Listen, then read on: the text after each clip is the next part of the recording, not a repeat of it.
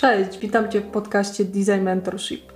Będą to rozmowy przede wszystkim o projektowaniu ścieżki kariery poprzez mentoring. Będziemy również dotykać tematów przebranżowienia, reskillingu i upskillingu. Te rozmowy są o prawdziwych historiach osób, które przeszły zmianę, nie tylko w życiu zawodowym, ale również osobistym. Ja nazywam się Kasia Szczesna i jestem projektantką, a także założycielką Design Mentorship. Witam Was y, wszystkim na, na kolejnym już spotkaniu z cyklu webinarów Mentoring w Twojej firmie. I wciąż razem z Wojtkiem Ławniczakiem, z którym poprowadzę to spotkanie, poszukujemy odpowiedzi, czym jest mentoring, jak on działa, ale też otwieramy dyskusję, bo chcemy zobaczyć y, z różnych środowisk, z różnych kontekstów, jak on jest postrzegany. I, i dziś chcemy poruszyć temat, który był już dotykany w naszych rozmowach, ale wracamy i myślę, że dzisiaj się skupimy na roli mentora i będziemy rozmawiać z wyjątkową i doświadczoną osobą, Małgorzatą Sztejter. Więc cześć, cześć Małgosiu i cześć, bardzo się cieszę, że jesteś z nami. Dla osób, które nie znają, e, dzień dobry. Mm, e, Małgosia ma 20 lat doświadczenia jako szefowa komunikacji w PWC, później w CMS Cameron McKenna. Dzisiaj jest e, coachem liderów, coachem zespołów, jest mentorką, która e, no, wspiera firmy w obszarze osobistego stylu przywódca, tak, przywództwa, tak to możemy chyba nazwać, i, i budowaniu e, chyba dobrze funkcjonujących zespołów, bo ja przyznam, od razu powiem, znamy się z Małgosią nie od e, wczoraj. Ja byłem częścią zespołu Małgosi pamiętam. Żyłeś. Dwudziestoletnie doświadczenie to e, e, Gosia zaczynała na mnie jako pracowniku. I taki ładny wyrosłeś, okej? Okay? Prawda? Właśnie. I spotykamy się tutaj żeby porozmawiać właśnie o mentorach, więc myślę, że może zahaczycie o Wasze wspólne doświadczenie. Nasze taki nieoficjalny tytuł, temat tego spotkania to było nas 11 i mieszkaliśmy w jeziorze, więc Wojtek, dzięki Ci za ten tytuł, więc zobaczymy, jak on się rozwinie.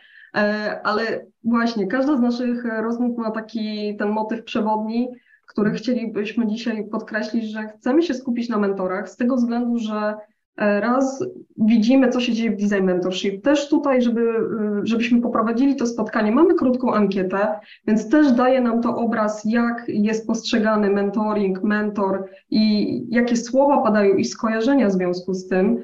I, i tu troszeczkę zapalają nam się lampki, e, jak, jak ten temat jest i ta rola jest postrzegana, bo często pojawia się no właśnie taki stere, stere, stereotyp w tym wszystkim, gdzie zaczynamy mówić o tym, że mentor to boomer. Jak, jak to Wojtek u nas wygląda z naszej perspektywy? Tak, bo to nie my to sobie wymyśliliśmy, tylko to wyszło między innymi z badań, e, z badań zarówno jakościowych, jak i ilościowych, które przeprowadzaliśmy. I wychodzi na to, że wiele osób wskazuje na to, że e, często ta postawa mentorki czy mentora to jest taka postawa właśnie e, boomerska to część osób jest postrzegana jako osoby, które po prostu najzwyczajniej w świecie ględzą. E, mówią, e, tak masz robić, tak nie masz robić, bądź taka, nie bądź taka, e, cytując Korę. No więc patrząc na to z perspektywy relacji i tego, jakie są oczekiwania mentees, Często również wskazywane jest to, że zarówno mentorka, jak i mentor dają gotowe rozwiązania, Um, oczywiście część mentees też oczekuje takich gotowych rozwiązań, co też chciałbym o tym, żebyśmy o tym porozmawiali. Natomiast Małgosiu, ty pracujesz z mentorami od lat. Chcielibyśmy porozmawiać z tobą dzisiaj o postawach e, e, mentorek i, i mentorów. E, I chciałbym cię zapytać, z racji tego, że pracujesz z ludźmi, którzy w tej chwili wchodzą w te role, czyli dojrzewają, stają się mentorkami, mentorami, takimi z prawdziwego zdarzenia. Powiedz, jak z Twojej perspektywy to, to wygląda? Czyli zacznijmy rozmawiać o tych postawach. Czego w postawie mentor, Twoim zdaniem, powinien się, i tu podkreślę to słowo, nauczyć, a czego, i tu podkreślę to słowo, oduczyć, bo czuję, że coś z tym jest nie tak, że, że to faktycznie jest coś, od czego być może trzeba zacząć, a może się mylę. E, no, nie mylisz się. E, jak mówimy o stereotypach, słuchajcie, to mi się wydaje, że w ogóle pierwszy stereotyp, który jest wokół mentoringu, to jest takie wyobrażenie, że jeżeli ja mam 20 albo 30 lat doświadczenia, to to mnie czyni mentorem z definicji. Kurczę, a to w ogóle tak nie jest, bo jak się zastanowimy, słuchajcie, to to, co my robimy, będąc menadżerami czy liderami przez te wiele lat, wzmacnia takie umiejętności, które w ogóle w roli mentora są niepotrzebne. To jest ta kategoria oduczamy się. Bo y, bycie liderem czy bycie menadżerem to jest o podejmowaniu decyzji, tak? To jest o tym, żeby wybrać rozwiązanie, żeby popatrzeć, jak się rzeczy mają, co się z czym wiąże, y, zadecydować, zarekomendować innym, tak, obronić ten swój punkt widzenia, jeszcze sprawić, żeby to się działo i ponosi się tam odpowiedzialność za rezultat. No i to wszystko jest nie o mentoringu, tak? W mentoringu się nie ponosi odpowiedzialności za rezultat, bo na logikę mentor może się napiąć najbardziej, jakby chciał na świecie, tylko nie ma żadnego wpływu na to, co menti robi po tym, jak wychodzi ze spotkania z mentorem. Yy, I możemy mieć cudowne, inspirujące spotkanie, na którym się przerzucamy pomysłami, a następnie menti wraca do swojego świata i albo coś z tym robi, albo zupełnie nie. I yy, narzędzia wpływu mentora na to są bliskie zeru, ale co więcej, to w ogóle nie o to chodzi, żeby mentor na to wpływał. Chodzi o to, żeby menti z tego procesu wyszedł bardziej świadomy, bardziej samodzielny, taki, który wie, co on wybiera dla siebie, z jakiego powodu wybiera to, a coś innego porzuca. I jak ma być to wszystko spełnione, to niepotrzebny nam jest mentor, który będzie mówił, w pierwszej wojnie światowej w okopach, jak ja tam siedziałem, to stopa okopowa, wiecie, no, o nuce i tak dalej, i ciężkie, ciężkie życie. Nie jest nam potrzebny mentor, który będzie mówił, stary, no masz e, trzy możliwości, ale dobra jest tylko jedna. Ja ci zaraz powiem, która to jest ta dobra, tak? Bo to w ogóle się ma nijak do tego procesu, który ma wzmacniać samodzielność, samoświadomość mentee. Więc ja bym powiedziała, że ten pierwszy stereotyp to jest wokół tego, że co mnie czyni mentorem? Czy, czy sam fakt posiadania, posiadania wielu lat doświadczenia mnie czyni mentorem? To ja bym postawiła tezę, że wcale nie. A myślisz, że. Mówisz, y, tutaj Małgosiu, z racji, że to, co się dzieje teraz na rynku, nawet jeśli chodzi właśnie mentor, osoba doświadczona, ale czy ta wiedza jest tym wyróżnikiem w tym momencie i poka pokazywane jest właśnie w mentoringu to wsparcie, o którym teraz hmm. mówisz, to otwarcie rozmowy, no, cały czas podkreślenie relacji, ale po, powiem Wam, co, do czego ostatnio doszłam po rozmowach po czwartej edycji, że mimo, że to jest relacja, współpraca, to jest ciężka praca. Bo każdy z mentee wrócił do mnie, że to był naprawdę ciężki proces, mimo że mieliśmy zadeklarowane kilkanaście godzin. Wiadomo, szkolenie, do którego zazwyczaj jestem porównywana e, w sferze biznesowej, no jest to mhm. kilkadziesiąt, kilkaset godzin, a tu jest kilkanaście. I tak naprawdę osoby przyszły do mnie, że nie sądziły, że ten proces będzie tak ciężki, więc e, ciężki, może pracowity w ten sposób. Więc mhm. cieszę się, że mówimy tutaj też o tym wsparciu, a nie tylko podkreślenie tej wiedzy, o której mówisz, że nie jest e, równoznaczna z tym, żeby być mentorem. Mm, wiecie, są zawsze e, różne podejścia i na rynku, i na świecie, i w Polsce też jest tak, że są ludzie, którzy mówią, że mentoring to jest coaching plus. Ja jestem w tej bandzie, która tak mówi, e, która mówi, że posługujemy, zwłaszcza jak mówimy o mentoringu rozwojowym, bo to jest w ogóle jeszcze jedna, wiecie, mała gwiazdeczka i o czym my tu rozmawiamy. Bo tych mentoringów, e, pod tym hasłem mentoring się kryje masa różnych e, sposobów pracy. One mają wspólne cechy, natomiast wiecie, jak weźmiemy mentoring, nie wiem, Mentoring sukcesji to jest taki przypadek, w którym człowiek, który jest, ma być sukcesorem, jest troszkę jak taki wagonik niemalże podczepiony pod, pod swojego poprzednika i jedzie z nim przez organizację. I dużą częścią roli tego mentora jest wówczas otwieranie networku, objaśnianie e, roli, objaśnianie relacji i tak. Tam jest dużo takiego instruowania, bardzo dużo otwierania networku, poznawania, wzmacniania tego człowieka, następcy relacyjnie. E, jak sobie weźmiemy, nie wiem, mentoring startupów, to jest w ogóle inne zwierzątko, tak? Mamy jeden startup i mamy iluś różnych mentorów, którzy w różnych kawałkach wiedzowych temu startupowi doradzają. To, o czym my teraz rozmawiamy, tak wskoczyliśmy na, na, na, główkę do tego basenu z mentoringiem, to on jest mentoringiem głównie rozwojowym. I to, co my mówimy tutaj, zazwyczaj jak mówimy, najczęściej jak mówimy w programach, to mówimy o mentoringu rozwojowym. Yy, I w nim chodzi o to, że trochę wszystko jedno, jaki temat człowiek przynosi do pracy, to gdybyśmy byli w doradztwie, to byśmy się zajmowali tematem, który ten człowiek ma i szukalibyśmy najlepszego rozwiązania. A w mentoringu rozwojowym się zajmujemy jeszcze między innymi na przykład człowiekiem, który się z tym zadaniem zmaga i co jemu się robi. Albo jak on ma jakieś aspiracje, to co się musi wydarzyć w nim? Co się musi zmienić w nim, żeby te jego aspiracje były w ogóle dla niego osiągalne do, do zrealizowania? A mnie to zapaliło lampkę, czy to przypadkiem nie jest tak, że skoro mamy, przecież to jest oczywiste, nie myślałem w ogóle o tym, że skoro mamy dwa rodzaje mentoringu, z jednej strony mamy mentoring rozwojowy, a z drugiej strony możemy mieć mentoring e, w modelu tak zwanym czeladniczym, nie? czyli mistrz, czeladnik na przykład. To ja tak sobie myślę na chłopski rozum, że w mentoringu rozwojowym, tak jak e, możemy faktycznie tę postawę określić, postawę mentora na przykład, jako no, eliminować te takie boomerskie, mm, e, to, to boomerskie podejście, o którym, e, od którego zaczęliśmy. Tak w przypadku tego mentoringu, który rozwija skill, który tak na dobrą sprawę koncentruje się tylko i wyłącznie na bardzo precyzyjnym przekazaniu wiedzy i umiejętności dotyczących, nie wiem, na przykład wykonywania jakiegoś zawodu, mhm. to być może tu jest przestrzeń na to, żeby mentor mógł powiedzieć, tak masz robić, a tak nie masz robić. Może się mylę? Jak to wygląda z Twojej perspektywy? Nie wiem, czy wyraziłem się precyzyjnie.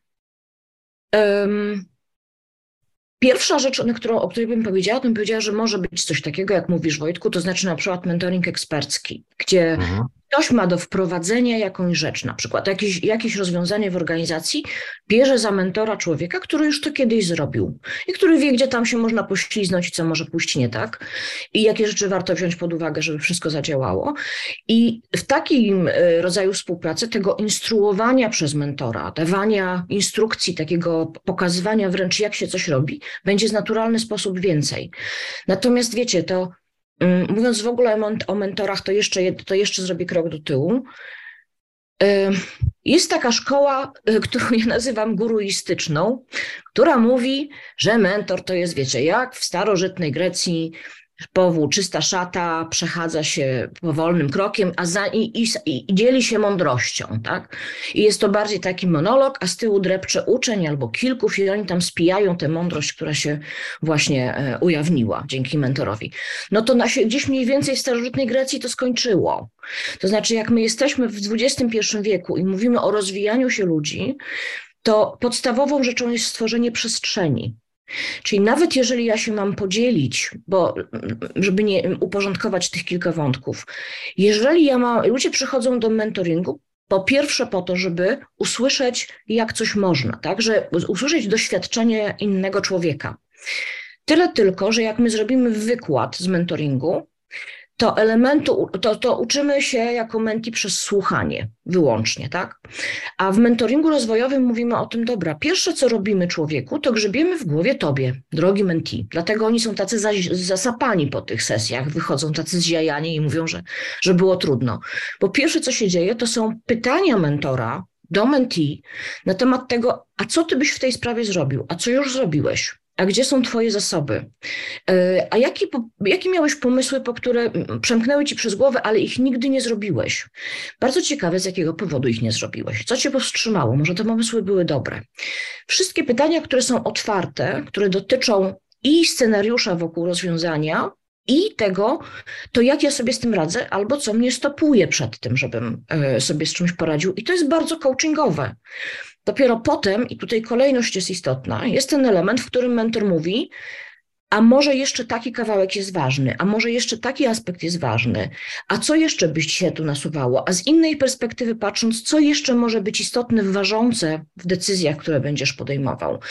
I jak mówię, że kolejność jest ważna, to jak my zaczniemy rozmowę od tego, że my, posłuchaj Janku, to weź sobie kajecik, ołówek, tak, i wężykiem, jak mówił klasyk, sobie zaznaczaj kluczowe słowa, to już nie, bardzo trudno jest wrócić do takiego miejsca, w którym człowiek generuje od zera niezaprogramowane, nieskanalizowane naszymi sugestiami rozwiązania.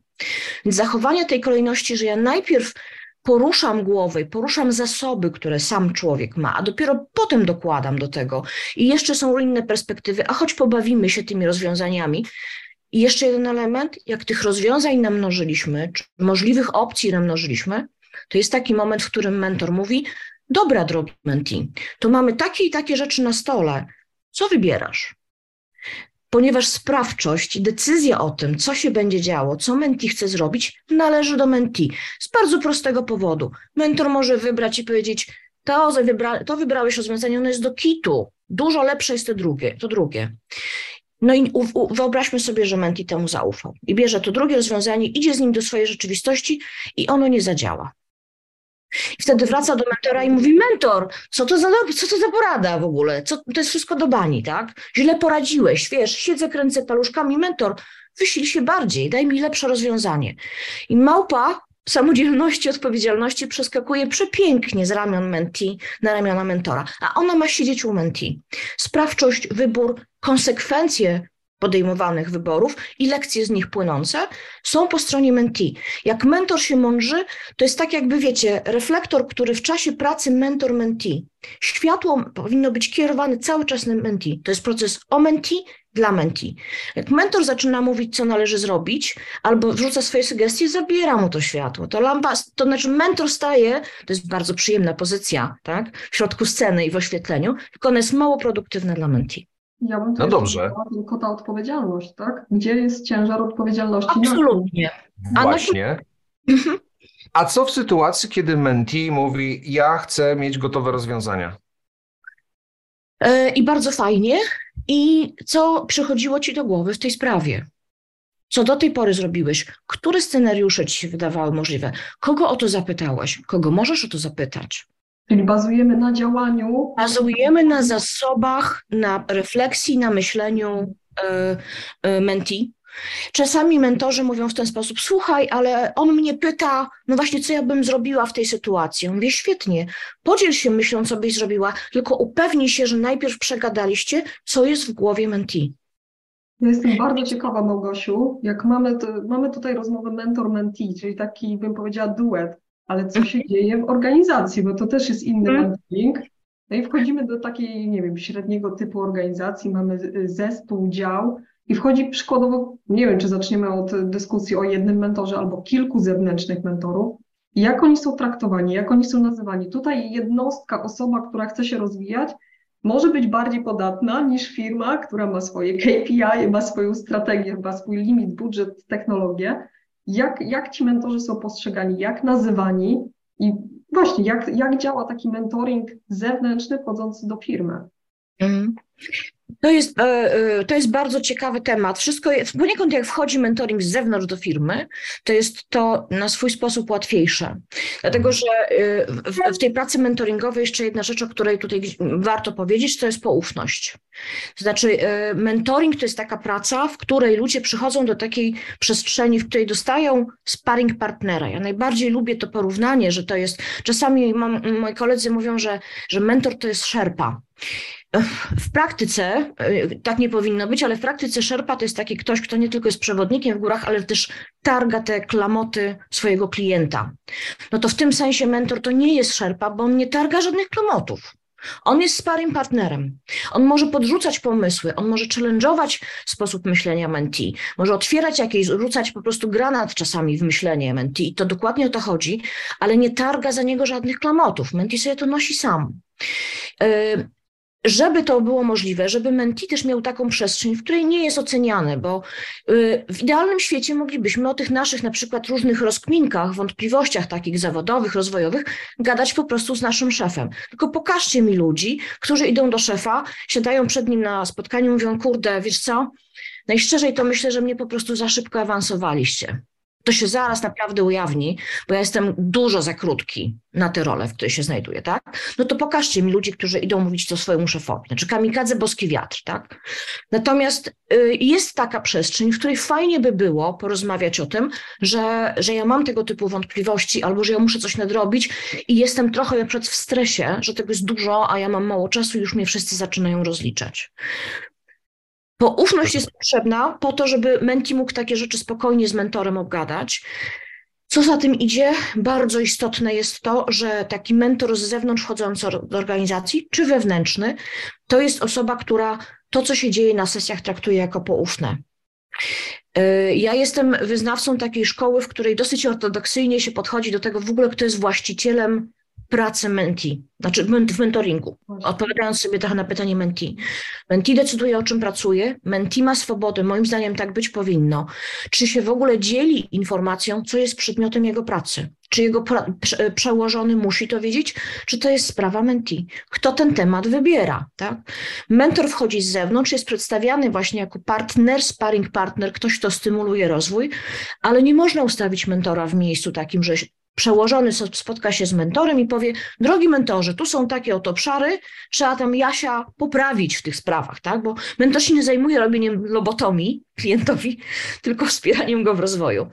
E, więc przekładanie, wszystkie te pomysły pod tytułem, że trzeba mentorowi powiedzieć, nad czym ma pracować, tak? Przychodzi z zewnątrz, to my go uświadomimy, z czym on ma pracować, to jest zupełne nieporozumienie. Znaczy, to jest coś, co jest nie, kontrproduktywne, jeśli chodzi o proces i trochę zamyka temat zbudowania rozwiązania.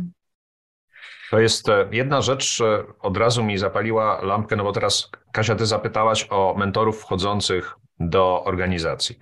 I to jest ok w momencie, kiedy mamy mentorów, którzy są przeszkoleni, którzy wiedzą, po co tam wchodzą. Ale bardzo często ja mam taką obserwację, że pojawiają się w firmie mentorki i mentorzy. Nie chcę powiedzieć trochę z przypadku, bo to są osoby, które są e, no, wyszkolone, bardzo często są ekspertkami czy ekspertami w swoich obszarach, ale mam takie wrażenie, i to też to jest wrażenie poparte e, badaniami i rozmowami z mentees, że często jest tak, że takie osoby zaczynają z automatu wchodzić w rolę doradcy, konsultanta, eksperta, po prostu czują się tak dobre w tym, co robią, że z automatu przechodzą właśnie na taką pozycję mistrz, czeladnik. Nie? To się im włącza jakby e, automatycznie. I taką mam refleksję, że mentor, który, który wchodzi do jakiejś takiej organizacji, w pierwszej kolejności powinien być naprawdę całkiem ostro przeszkolony i przygotowany do tego, bez względu na to, czy się zna, czy się nie zna, czy jest bardziej mentorem, czy jest bardziej ekspertem, czy jest bardziej doradcą. Oduczanie się tego mindsetu jest chyba, wydaje mi się, kluczowe. Skomentuj to proszę, jeżeli może się mylę znowu. Jak 20 lat czy 30 lat ktoś nam płacił za dowożenie rezultatów i podejmowanie. I nadal często nam płaci. I nadal nam za to płaci. I oczekuje, i my jesteśmy za to nagradzani, i za to mamy te wszystkie stanowiska i tak dalej, że, tak, że nam się to udawało, to naprawdę zdjęcie tej czapki nie jest takie super proste. I jak mówisz, Wojtek, bo zadałeś na, pytanie, na początku to pytanie, co się nauczyć, co się oduczyć. Nauczyć się słuchania, nauczyć się tego, że to nie jest proces o mnie, tylko o tej drugiej osobie, to nie ja jestem, nie ja mam parcie na szkło. E, wy wiecie, że ja się posługuję takim, e, takim przykładem, to mówimy w gronie kolegów, z którymi pracuję w mentoringowym świecie, że jak się wchodzi do, na spotkanie mentor i mentee, wchodzą do sali, to to jest taka sala, która przy drzwiach ma małą półeczkę. No, półeczka może być większa czasem, bo potrzebna jest większa. Półeczka jest po to, żeby mentor tam zostawił ego, jak wchodzi do sali, tak? bo ono mu nie będzie potrzebne. Menti ma tam zostawić przekonanie, tak zwany złoty guzik, jak mówi mój kolega Szymon, że y, złoty guzik jest takim czymś, co jak mentor naciśnie, to u menti stanie się jasność. Ale y, Oduczamy się jako mentorzy tego, że y, ja przychodzę rozstrzygać, oduczamy się tego, że przychodzę oceniać. Jedną z pierwszych rzeczy w szkoleniach dla mentorów to jest przyglądaj się sobie w momentach, kiedy menti coś robi, a ty czujesz na przykład, że y, jakie to jest głupie, albo jak ty możesz tego nie widzieć, to y, łap tą swoją ocenność i zamień ją na ciekawość. Trudność pracy mentora, słuchajcie, polega na tym, że ludzie, którzy do tej pory byli w analityce, jakiejś sytuacji, czynników i tak dalej, przechodzą do procesu, w którym z jednej strony są w analityce, analityce słuchają menti, zadają pytania, a w drugiej strony mają cały czas nut obserwowania siebie. Co się ze mną dzieje? Kiedy mnie ten menti denerwuje, kiedy mi się włącza, Boże, Boże, jaki biedny piesek wypadł z sani, po prostu tak go źle traktują, trzeba go ratować, tak? Wszystko to, co się dzieje z mentorem w czasie jego pracy i odpala jakieś jego zachowania, tak? A to matkujemy, a to oceniamy, a to właśnie weź chłopie, ja ci przyspieszę ten twój proces rozwojowy, bo już nie mogę wytrzymać to te wszystkie rzeczy, które są bardzo, wysoka poziom, bardzo, bardzo wysoki poziom świadomości, co się ze mną dzieje jako mentorem w tym procesie. Jeżeli robię jakąś uwagę, czy robię jakieś wtrącenie do tego, co mówi menti, to nie dlatego, że mi właśnie strzeliło do łba, żebym powiedzieć, o kurczę, 20 lat temu miałem podobnie, tak? Czy to coś wnosi dla menti? No jak wnosi, to może warto. Ale jeżeli to jest tylko dlatego, że mi się wyrywa, bo mi się skojarzyło, no to to jest ten reflektor, o którym mówiłam. Zabieram światło menti i cyk, wstawiam, ustawiam je tak, że świeci na mnie i teraz jest o mnie, o mentorze, o moim ego, o moim niekontrolowanym, że mi się chce opowiedzieć. To to są rzeczy, które tak bardzo, one by były cudowne, gdybyśmy je mieli w pracy lidera i menadżera, a różnie z tym bywa, natomiast men, pracy mentora są niezbędne. I mówimy tutaj o pracy menti, tym ciężarze, bezpiecze, bezpieczeństwie, ale też odpowiedzialności, ale ile mentor musi też wykonać pracy, gdzie my go opakowujemy trochę tą wiedzą, trochę coachingiem, a tak de facto to jest duża praca nad taką samą refleksją i nad sobą, które myślę, że wielu osób no, nie do końca idzie w parze. A jestem też ciekawa, czy taka znajomość, bo nieraz się po prostu z tymi osobami znamy, czy nam to bardziej pomaga, czy przeszkadza, jeśli my danego mentora mamy z nim jakąś relację, znamy się, czy to jest właśnie lepiej, czy też gorzej? Tak. To jest, to jest e, świetne pytanie, Kasia, bo teraz sobie pomyślałem właśnie, że we wtorek i w środę jesteśmy koleżankami i kolegami z pracy, a w czwartek i piątek zaczynamy grać jasełka. Nie? I ta, ta cała nasza relacja, która jest zbudowana na tej, powiedziałbym, oparta o taką półprywatną e, sytuację, zaczyna być nagle bardziej oficjalna, zaczyna być bardziej Niewygodna może. No, niewygodna, bo być może zaczyna się tworzyć jakaś e, zależność. No to jest pytanie, jaką postawę powinien przyjąć mentor w takiej sytuacji. Pierwsza rzecz, która mi w ogóle przychodzi do głowy po naszej rozmowie, to to, że każdy mentor powinien się porządnie przeszkolić, czyli powinny być regularne kursy dla każdego, kto będzie wchodził w pozycję mentora, bez względu na to, czy robi to prywatnie, półprywatnie, zawodowo, czy jakkolwiek. I bez druga rzecz. Czy robi to pierwszy raz, czy kolejny. Mm. Bo mentoring, tak samo jak coaching, zawiera za, założenie o, o, superwizowaniu się na przykład, tak? To znaczy, że ja rozmawiam o tym, jak pracuję, o dylematach, które mam, nie, o, nie o rozwiązaniach dla menti, tylko o autoobserwacjach, tak? Więc nie tylko, jak już kiedyś się przeszkoliłem, to nie znaczy, że jak w kolejnych latach podchodzę do roli mentora, to już nie muszę, bo ja już wszystko wiem przecież. Mhm. No to, no to, to, jest, to jest jeszcze też druga rzecz, bo szkolenie i sam mindset to jest, to jest jedna rzecz, ale druga rzecz to jest wchodzę do jakiejś organizacji albo wchodzę w ogóle w jakąś przestrzeń, która, e, która wymaga trochę spojrzenia. No ja jestem projektantem, jestem strategiem, w związku z tym u nas ustalamy pewne, my nazywamy to design principles, nie? czyli co, co będzie, w którą stronę my wiosłujemy w danym projekcie, e, i teraz wydaje mi się, że to jest druga rzecz, czyli oprócz tego, że ja się szkolę jako mentor, że ja przygotowuję mhm się e, mentalnie do tego, żeby wejść w pozycję e, e, mentora. Dwa, mam tego superwizora, który co jakiś czas mnie też ustawia mi trochę myślenie i koryguje moje ewentualne potknięcia. To jeszcze jest trzecia rzecz. Przed każdym procesem mentoringowym, obojętnie czy nazywamy to kontraktem, ale ustalamy również pewne koordynaty związane z tym, do czego my zmierzamy, po co to jest i co my chcemy osiągnąć, czyli tak bardziej operacyjnie. To do, dobrze rozumuję? Bardzo dobrze rozumiesz i to jest super istotne. To, to użyłeś słowa klucza, które, to znaczy kontraktowanie. To tak brzmi prawniczo, ale rzeczywiście chodzi o to, żebyśmy na początku procesu powiedzieli sobie, co to jest za proces, do którego dołączyliśmy jako ta para mentoringowa. I to nie chodzi tylko o to, jak często się spotykamy, na jak długo i gdzie, bo to są technikalia niezbędne, ale y, clue tego ustalenia to jest, jak my rozumiemy role nasze w tym procesie. A co my robimy w sytuacjach, kiedy zaczęliśmy od tematów zawodowych, a zakradają nam się na przykład prywatne, tak? Albo co robimy, jeżeli jest mi z czymś niewygodnie w tej relacji czy w tej współpracy? W jaki sposób to rozwiązujemy, jak o tym rozmawiamy? Dużo takich rzeczy, które dotyczą tego, jakie tutaj będą reguły gry obowiązywały, bo to jest na temat tej pary yy, dwójki ludzi. Każda z takich... Zwłaszcza, przepraszam, zwłaszcza, przepraszam, dość no po tej stronie Bogu patriarchalnym jednak mimo wszystko e, patriarchalnej sytuacji, no bo jeżeli mój szef jest moim mentorem, mm, no to jeżeli ja mam problem z, z tym procesem, może czuje się niewygodnie, no to przecież ja mu się nie postawię, bo on no jest we wtorek jest... i środę moim szefem. I to jest duża trudność, słuchajcie. Znaczy, mentoring, a bycie e, szefem, który się posługuje narzędziami mentoringowymi, to są dwie różne rzeczy. Bo ponieważ w roli mentoringowej nie mamy tego przełożenia, że na koniec dnia mentor jednak jakoś odpowiada za wyniki. A tam, gdzie jest podległość służbowa, mamy ten element. I to trochę zmienia, znaczy jakby stawia ograniczenie temu, na przykład do jakiego stopnia menadżer będący mentorem pozwoli temu podwładnemu eksperymentować. Bo mentor może pozwolić na 100% eksperymentów. Jak y, menti wraca po eksperymentach, wiecie, obity jak gruszka i z podkulonym ogonem, to mentor mówi: Super, jaka piękna katastrofa, czego się właśnie nauczyłeś szefowi to jest powiedzieć trudniej, tak? Więc szef w roli mentora to jest bardziej o korzystaniu z narzędzi tych, o których mówiłam, to znaczy rozmawianiem z ludźmi w ten sposób, że na przykład najpierw daje im przestrzeń do ich pomysłów, potem dodaje swoje sugestie, tak?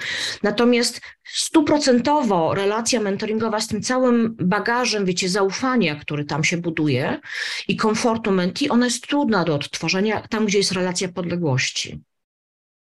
To połączenie, ten perfect matching ma no, istotne znaczenie przy takiej współpracy, która jest długofalowa, nie ukrywajmy, że nie, nie do końca wiemy, ile ten proces będzie trwał. Czy umawiamy się na te, nie wiem, kilka, kilkanaście spotkań, kilka, kilkanaście miesięcy, e, ale tak z mojego doświadczenia, z perspektywy, te osoby dalej ze sobą współpracują, polecają się, więc y, nie wiemy, dokąd też ta relacja nas zaprowadzi, co jest moim zdaniem bardzo ciekawe i korzystne dla dwóch stron, bo dwie strony się rozwijają.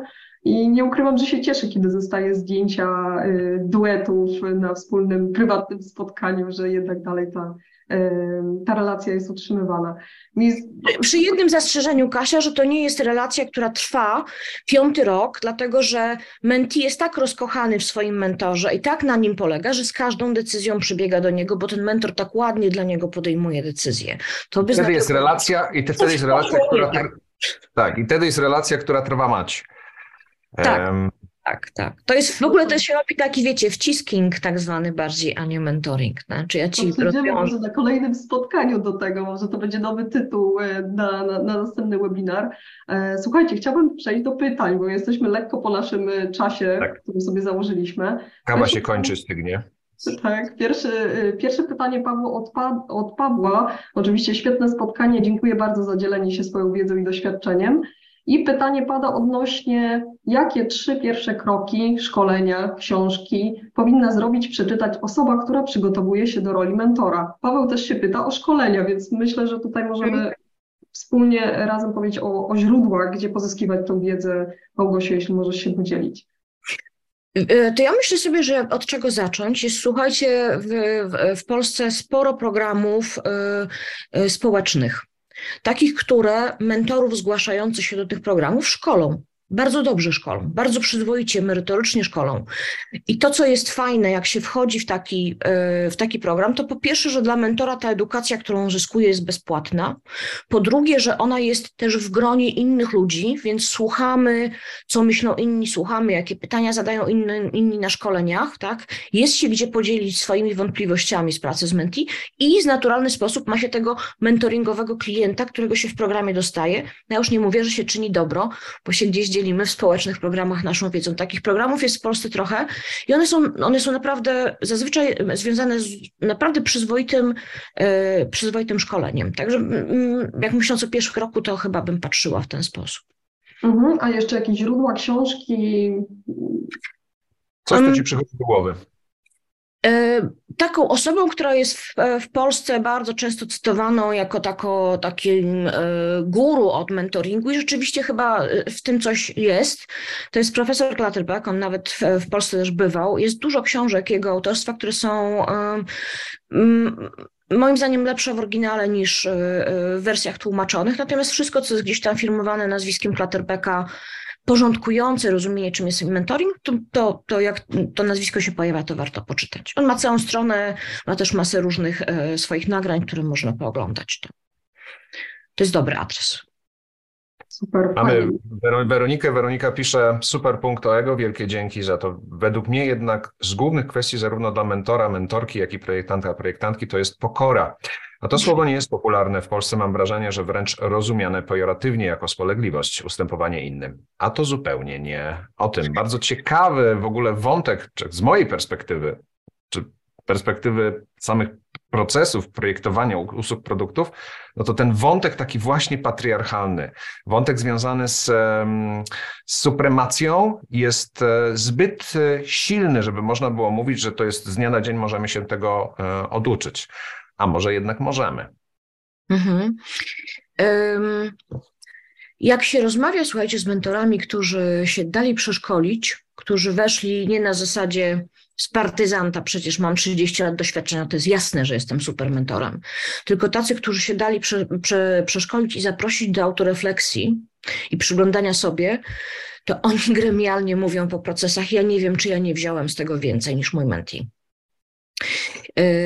W sensie tego, że ja się że to zaprasza do refleksji, a poza tym w relacji mentor-mentee też padają od strony mentee takie obserwacje, których mentor od podwładnych nie usłyszy. Z powodu y, właśnie relacji, właśnie tego, że oni się będą, y, że to nie będzie dla nich, dla nich bezpieczne. Ja sobie, ja sobie myślę, że w, tych, w takim podejściu do myśleniu o sobie e, jako mentorze, ta, ta pokora, to, to chyba jest główny wyróżnik pomiędzy tym, co ja nazywam właśnie guruistyczną szkołą, a, a, a, partnerskim i rozwojowym podejściem w mentoringu. Ja w ogóle nie widzę, wiecie, prawdę mówiąc, korzyści z tego, że ten mentor miałby być taką spiżową pozycją, bo nawet jeśli jestem super ekspertem w jakimś temacie i tak dalej, to co w relacji wnosi fakt, że jestem e, spiżową postacią? Zupełnie, zupełnie tego nie widzę jako rezultatu. Ma to co menti bardziej motywować. Przecież to jest proces, w którym menti właśnie przygląda się własnym motywacjom, własnemu napędowi. Tak. Jaki jest cel? Czy cel pokazywania swojej eksperckości? Nie wiem. Tutaj jest też cel e, mentee, więc ustalenie tego, gdzie mentee podąża, czy mentor faktycznie się z nim zgadza. Bo czasami tak teraz mam taką, takie rozumienie, że ustalamy ten cel tego mentee, ale z drugiej strony mentor, czy on też w to, y, czy też tą bramkę gra, tak? Więc y, Ciekawe, ciekawe spostrzeżenie. Więc... Powinien grać w tę samą bramkę. Rolą mentora jest zapytanie menti, dla, jaki jest powód, że y, na przykład z kilku różnych rzeczy chcesz się za coś zabrać w pierwszej kolejności, albo za coś się zabierasz, a za coś nie. Co, jest, co powoduje, że to jest ten scenariusz, na którym ci najbardziej zależy, ale nie kieruje wyborami mentee. No, zdecydowanie nie. Jeszcze raz wrócę, słuchajcie, do tej pokory, bo naprawdę jest tak, że mentor z tego, mentor, który wchodzi do procesu rozumnie, z autorefleksją, naprawdę wyjmuje z tego procesu, nie wiem, czy nie więcej niż mentee, E, I odkrycie tego, że to nie tylko ja przychodzę po to, no, no dobra, teraz jestem fajnym e, ziomkiem, to ja przyjdę do procesu, no dam swój czas, niech się uczą, tak, ode mnie. I wyjście z tego procesu z powiedzeniem cholera, ten człowiek się ode mnie może nauczył czegoś tam w tym merytorycznych rzeczach, czy w jakimś podejściu, ale ile ja z tego wziąłem, tak, mi się nawet nie wydawało, jak dużo ja, jak dużo ja się obejrzę, ja się obejrzę w tym lustrze i się okaże, gdzie, um, gdzie ja na przykład robię jakieś rzeczy, których do tej pory w ogóle nie byłem świadom. To jest o pokorze, o chęci zobaczenia tego. Lepszej puenty chyba nie mógłbym sobie wyobrazić. W związku z tym pozwolą Państwo, że i pozwolą Państwo, że podziękuję Małgosiu. Małgosiu, bardzo Ci dziękuję za to, że znalazłaś czas, e, pomimo, ja pomimo tego, że koncert Petera Gabriela wczoraj był intensywny, z tego co słyszałem. Było się to o trzeciej, tak, nad ranem. Mhm. E, bardzo dziękujemy. Ja znowu mam niedosyt. Te nasze spotkania trwają pół godziny, bo są do porannej kawy, więc bardzo cieszylibyśmy się i też widzę tutaj po, po głosach, że że cieszylibyśmy się wszyscy, gdybyś zechciała jeszcze nas e, odwiedzić w trakcie tych rozmów. Zapraszamy Cię już serdecznie. A póki bardzo co bardzo, bardzo dziękuję za e, uwagę wszystkim. E, ta rozmowa ukaże się w formie podcastu, jak każda. Poczekajcie chwilę. A w międzyczasie śledźcie Małgosię w social mediach, również w trakcie różnych wydarzeń, na których Małgosia się pokazuje. Bardzo ciekawe rzeczy um, zobaczycie, bardzo ciekawe rzeczy usłyszycie. Małgosiu, ja widziałem, że też się dzielisz właśnie różnymi spostrzeżeniami, również lekturami w, mhm. na swoich socialach, na LinkedIn i to jest bardzo, bardzo e, wartościowe. Lada mocno będę, będę się wymądrzeć wspólnie z kolegami na konferencji takiej światowej, mentoringowej w Pradze i tam też będzie trochę ciekawych rzeczy i o ile wiem, to będzie można potem chyba obejrzeć w ogóle, więc... W Pradze, nie na Pradze. W Pradze, w Pradze czeskiej. Dziękujemy bardzo, życzymy wszystkim dobrego weekendu i dobrego, do zobaczenia. Do, do następnej rozmowy. Dziękuję. Dzięki. Do zobaczenia. Cześć.